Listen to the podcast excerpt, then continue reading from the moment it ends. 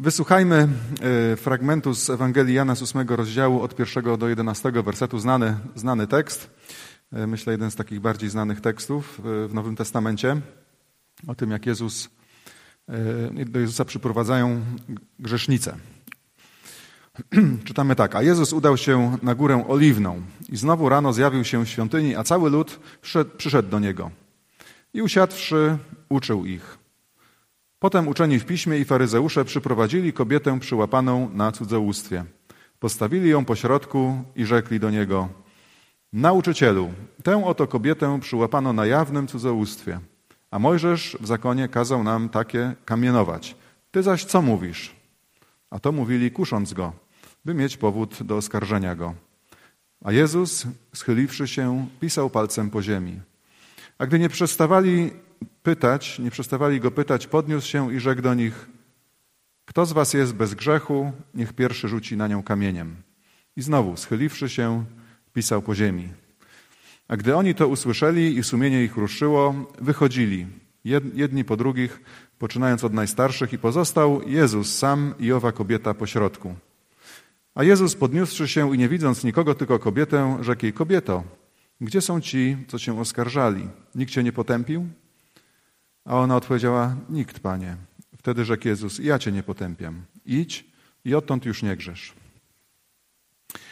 Kto jest bez grzechu, niechaj pierwszy rzuci kamieniem. Myślę, takie słowa, które są dobrze znane, które przeniknęły do popularnej kultury.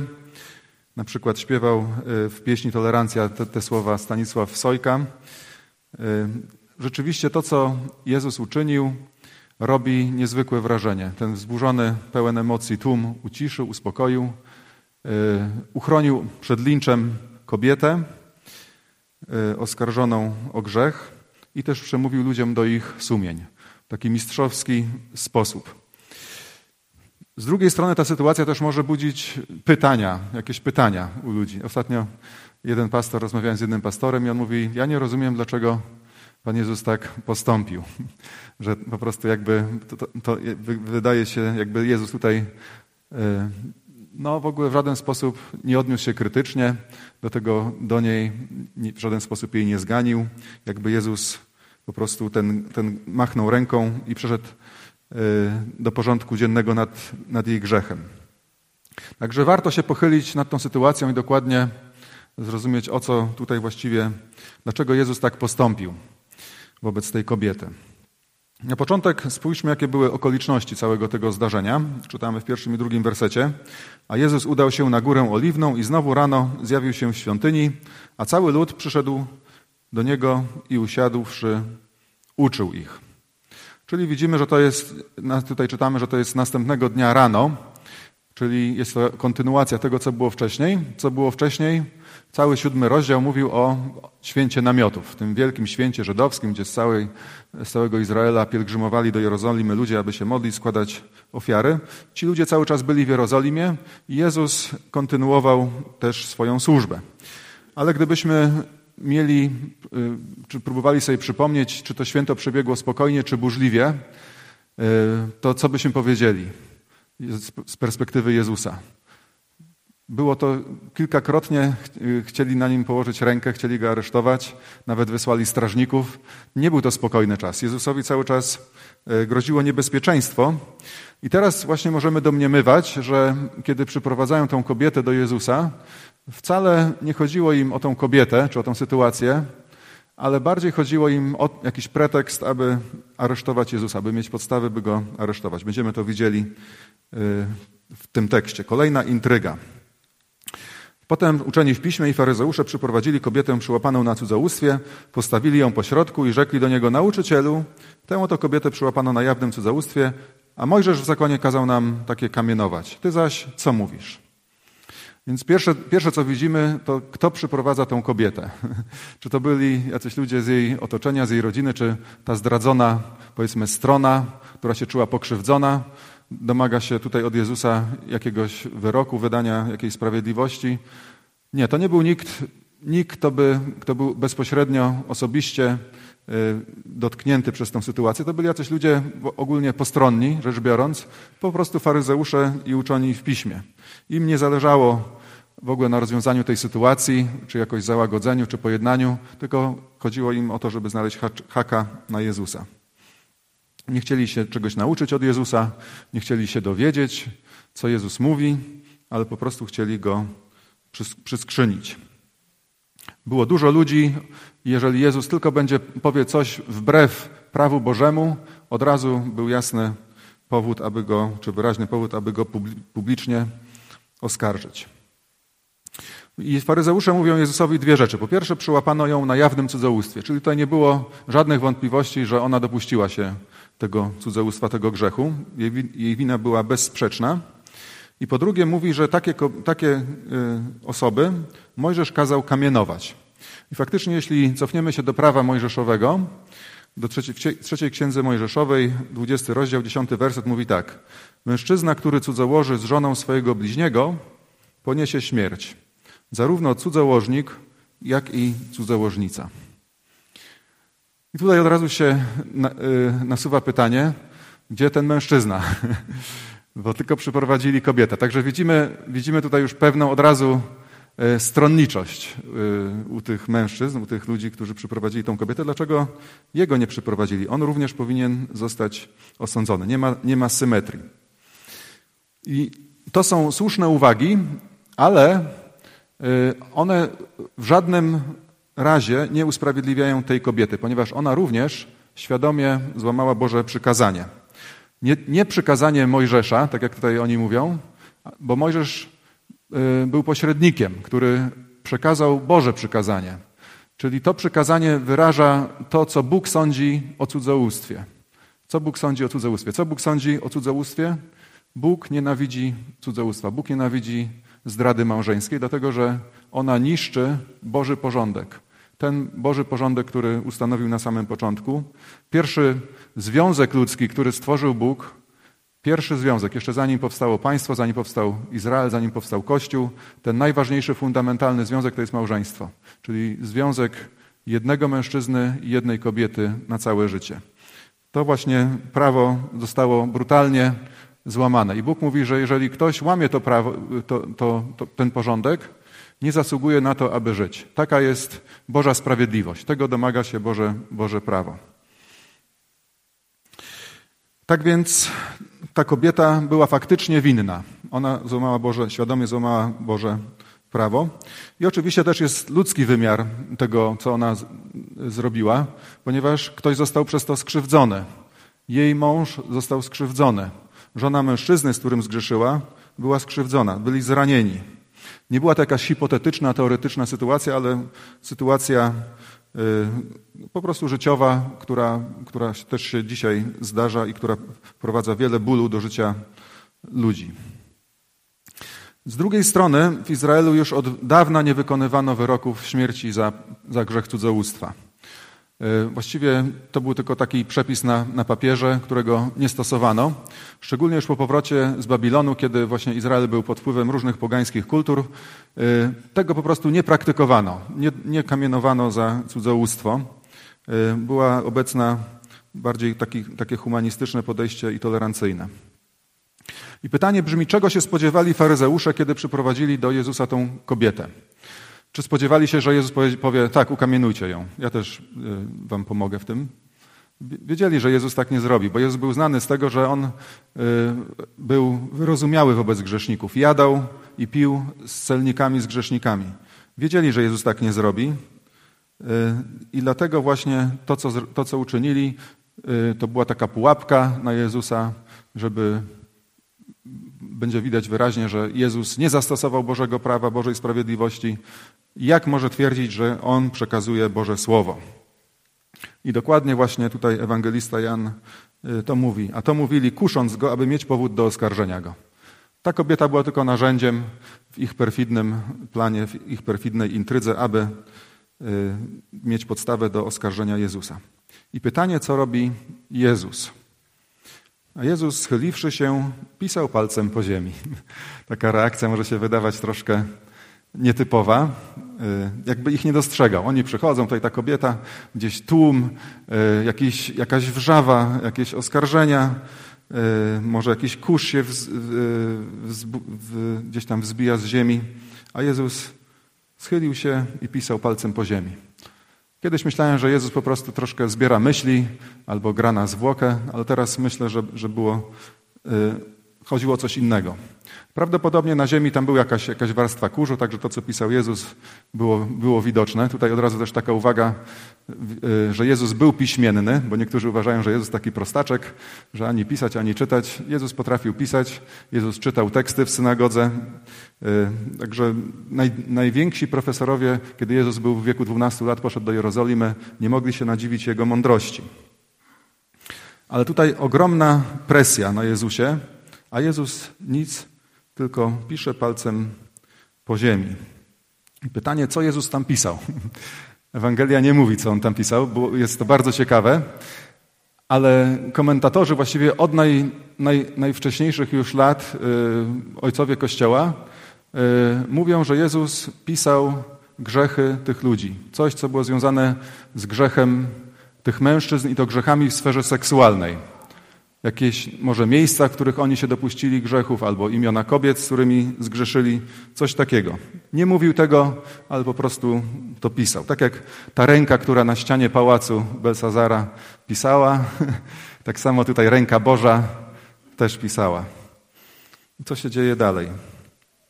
A gdy go nie przestawali pytać, podniósł się i rzekł do nich: Kto z was jest bez grzechu, niech pierwszy rzuci na nią kamieniem. I znowu schyliwszy się, pisał po ziemi. Pierwsze, co robi Jezus, to się podnosi. Pytanie, dlaczego się podnosi? Bo tutaj widzimy, że Jezus schyla się, potem się podnosi, potem się znowu schyla, potem się znowu podnosi. Te, te takie ruchy Jezusa. Myślę, że po to się podniósł, aby może właśnie odsłonić to, co napisał, żeby to było widoczne. Inaczej trudno wyjaśnić to zachowanie Jezusa. I następnie wypowiada te słynne słowa: Kto jest bez grzechu, niech pierwszy rzuci na nią kamieniem. I kontekst wskazuje na to, że chodzi tutaj nie o jakiś ogólny grzech, czy jakiś grzech, ale chodzi konkretnie o ten grzech w sferze seksualnej. Jezus mówi, jeżeli ktoś nie zgrzeszył w tej sferze, ten niech pierwszy rzuca na nią kamieniem. I potem schyla się gdzieś obok i pisze dalej. I kolejne grzechy, i kolejne grzechy, i kolejne. I ludzie tak patrzą i co się dzieje? I zaczyna ich gdzieś sumienie dotykać, zaczynają sobie przypominać swoje grzechy i Czytamy dalej, a gdy oni to usłyszeli i sumienie ich ruszyło, wychodzili jeden za drugim, poczynając od najstarszych, i pozostał Jezus sam i owa kobieta pośrodku. Najpierw najstarsi wychodzą. Pytanie, czy dlatego, że najwięcej nagrzeszyli? Ja myślę, że, nie, że chyba nie, ale dlatego, że mają najwięcej rozumu. Ta młodość jest często taka durna, chmurna, jak mówi poeta, ale i do tych młodych w końcu dociera. Nie mamy prawa tej kobiety kamienować. Bo gdyby oni rzucili w nią kamieniem, to, znaczy, to, to tym samym by wydali wyrok na siebie. Kto został pośrodku przy tej kobiecie i przy Jezusie? Nikt. Nikt. Tak Pismo Święte właśnie mówi. Wszyscy zgrzeszyli. Każdy człowiek zgrzeszył. Każdy z nas również zgrzeszył. To jest prawda, o której, którą przekazuje nam Pismo Święte. I gdybyśmy tam byli, moglibyśmy poczuć to samo, co ci wszyscy mężczyźni. I też być może byśmy odeszli zawstydzeni. A Jezus podniósłszy się i nie widząc nikogo, tylko tą kobietę, rzekł jej, kobieto, gdzież są ci, co cię oskarżali? Nikt cię nie potępił? A ona odpowiedziała, nikt, Panie. Przed chwilą wielki tumult, y, ręce gotowe już do rzucania kamieni, a teraz nikogo nie ma. Ponieważ gdyby ją potępili, to zarazem potępiliby też siebie. Widzieli, że nie mają prawa jej potępić. I pytanie, co teraz zrobi Jezus? Pytanie, czy jaki Jezus wyda wyrok? Bo w przeciwieństwie do tych wszystkich ludzi, w przeciwieństwie do nas, Jezus nigdy nie zgrzeszył. Był czysty, święty, nawet w myślach nie zgrzeszył, nawet myślą nie zgrzeszył. Pismo Święte mówi, że, że Bóg jest światłością i nie ma w nim żadnej ciemności. Tak więc Jezus miał prawo, aby wykonać ten wyrok. On jako jeden, jedyny miał prawo, a niektórzy nawet by powiedzieli, miał obowiązek, bo tego domagała się Boża sprawiedliwość. Boże prawo mówiło, że osoba, która dopuściła się grzechu cudzołóstwa, nie powinna żyć. Ale co mówi Jezus? Wtedy rzekł Jezus, ja cię nie potępiam. Idź i odtąd już nie grzesz. Jezus jej nie potępił. Jezus okazał jej wspaniałomyślność, Jezus okazał jej łaskę i to jest również nadzieja dla nas, ponieważ my nie jesteśmy usprawiedliwieni, czy Bóg nam nie przebacza dzięki naszym uczynkom, dzięki temu, że jesteśmy dobrzy, ale dzięki temu, że Bóg okazuje nam swoją łaskę, wspaniałomyślność, łaskawość. Ona powinna, według prawa Bożego, ona powinna ponieść konsekwencje, powinna zostać ukamienowana. To byłoby zgodne ze sprawiedliwością. Ale Bóg zamiast tego okazuje nam łaskę i wspaniałomyślność i wielkoduszność. Tak jak czytamy o tym w prologu Ewangelii Jana. Zakon bowiem został nadany przez Mojżesza. Boża sprawiedliwość została nam przekazana czy wyjaśniona, objawiona, jaki jest Bóg, co kocha, czego nienawidzi, poprzez Mojżesza. Łaska zaś i prawda stała się przez Jezusa Chrystusa. Ale Bóg w Jezusie Chrystusie objawił nam nie tylko swoją sprawiedliwość, ale również ogrom swojej łaski, swojego przebaczenia. I dlatego dzisiaj się nie musimy bać, aby przyjść do Boga. Nie dlatego, że jesteśmy lepsi od innych, bo wszyscy zgrzeszyliśmy, ale dlatego właśnie, że Bóg jest wobec nas wielkoduszny. Ale co z tą sprawiedliwością? Czy nie, ona nie powinna jednak ponieść jakiejś kary? Wyobraźmy sobie męża kobiety, yy, który się czuł głęboko zraniony. Może ten wyrok Jezusa był dla niego rozczarowaniem. Coś powinien, czy ona jednak nie powinna ponieść jakichś konsekwencji. Oczywiście on też nie miał prawa wydawać sądu, ponieważ on również zgrzeszył. To, co mówi Biblia, wszyscy, wszyscy zgrzeszyli, choćby w myślach. Jezus mówił, ktokolwiek y, patrzy na niewiastę i pożąda w jej swoim sercu, już dopuścił się grzechu w swoim sercu. Ale czy jakiś jednak, jakaś jednak kara nie powinna zostać wymierzona? Otóż kara została wymierzona, ale nie wtedy, ale kilka miesięcy później i tą karę, tej kary nie poniosła ta kobieta, ale tą karę poniósł Jezus Chrystus na krzyżu. Jezus wiedział, że On za ten grzech zapłaci. I dlatego mógł być taki wspaniałomyślny wobec tej kobiety, ponieważ Bożej Sprawiedliwości stanie się zadość właśnie poprzez krzyż. I dlatego właśnie Jezus mógł jej okazać łaskę i również może nam okazać łaskę, ponieważ kara za grzechy, y, której domaga się Boża sprawiedliwość, została w pełni poniesiona, w stu procentach. Nie ma tutaj żadnego, jak, jak się mówi, przekrętu. Także Boża łaska, Bóg w Jezusie Chrystusie okazuje nam tą wielką dobro, dobroduszność, wspaniałomyślność i łaskę. I to jest podstawa naszej nadziei. Nie nasza sprawiedliwość, ale Jego łaska. I Jezus jeszcze dodaje pewne słowa tutaj. E, mówi tak: idź i odtąd już nie grzesz. I możemy zadać pytanie, jak było dalej tam w życiu tej kobiety? Czy ona dalej grzeszyła, czy już nie grzeszyła? Tego nie wiemy, Pismo Święte nam nie mówi, ale uważam, myślę, sądzę, że ona już nie grzeszyła. I to nie dlatego, że to spotkanie, powiedzmy, w świątyni, czy ta cała afera była tak, takim traumatycznym przeżyciem i ona nie chciała jeszcze raz przez to przechodzić, nie chciała narażać się na taki wstyd publiczny, zniesławienie.